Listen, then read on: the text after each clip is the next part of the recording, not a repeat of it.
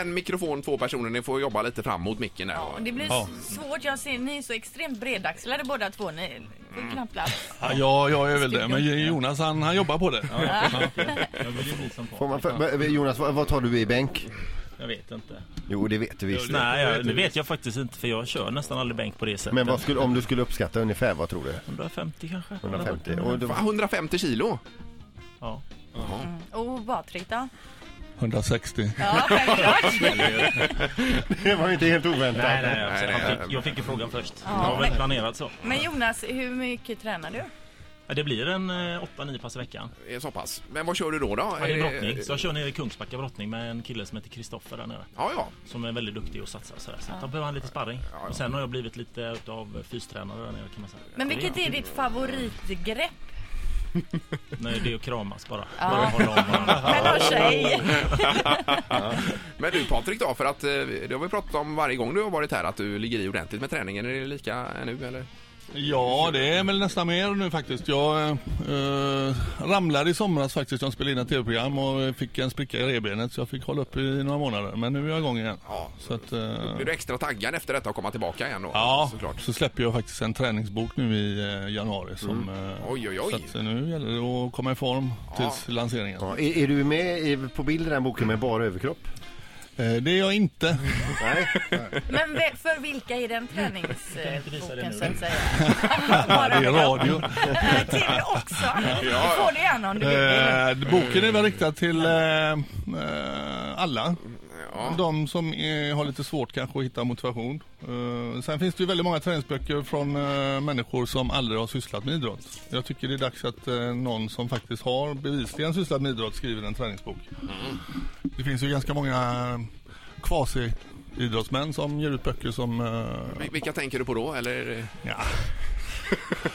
Dolph Lundgren. Eh, Jaha. den som hittar hans, eh, eh, vad var han? Världsmästare i någon slags idrott. Eh, Men han är väl fin på kampsport va, Adolf? Ja, de säger Kör det. han. Men eh, jag vet inte, jag, kommer du ihåg det Jonas när han vann? Nej, Nej. har han vunnit? Ja.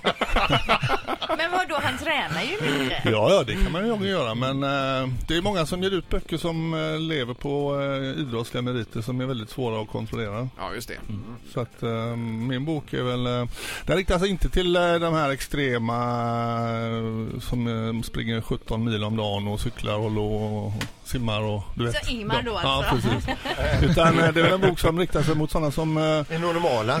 som vill träna för att kunna kanske ta en eh, bärs extra eller en pizza och eh, ja, må bra så Ja, att säga. eh, samtidigt här ja. Ja. Såklart. Och i januari säger du i den eh, utgivningen? Mm, kommer den Ja. efter nyår när alla har eh, tagit sina löften. Ja, eh, Ja, precis. Det är Ska så de det är infrias? tänkt. Ja, det Då är är det perfekt. f- fullt på gymmen i några veckor där efter nyår. Precis, men nu ska det bli fullt hela året. Ja, ja, det är bra det. Eh, Jonas också, nu är Mm. Ja. det dags för minibandy igen Ja. här.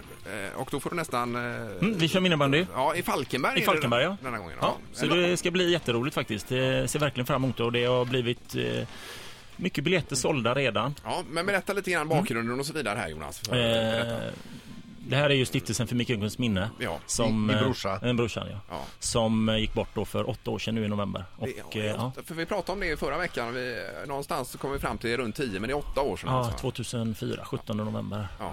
Så att, eh, och eh, direkt från eh, år ett egentligen så frågade eh, Christer Guldén om han fick arrangera en eh, golftävling. ja. Och jag spelar ju inte golf. Eh, Och innebandy kan ju alla spela. Ja, Nu har du inte, nu har du inte sagt det. Du vann, Nej, ja, du jag, vann jag, förra jag, året. eh, just det. Ja. Jaha. jag tänkte komma till det. det är klart. Du, jag tänkte du skulle förklara först.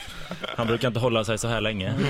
Nej. Eh, nej, som och, är. ja, just det. Och då gjorde vi eh, minibandy förra året. ja. Mm. Ja, och eh, nu kör vi år två.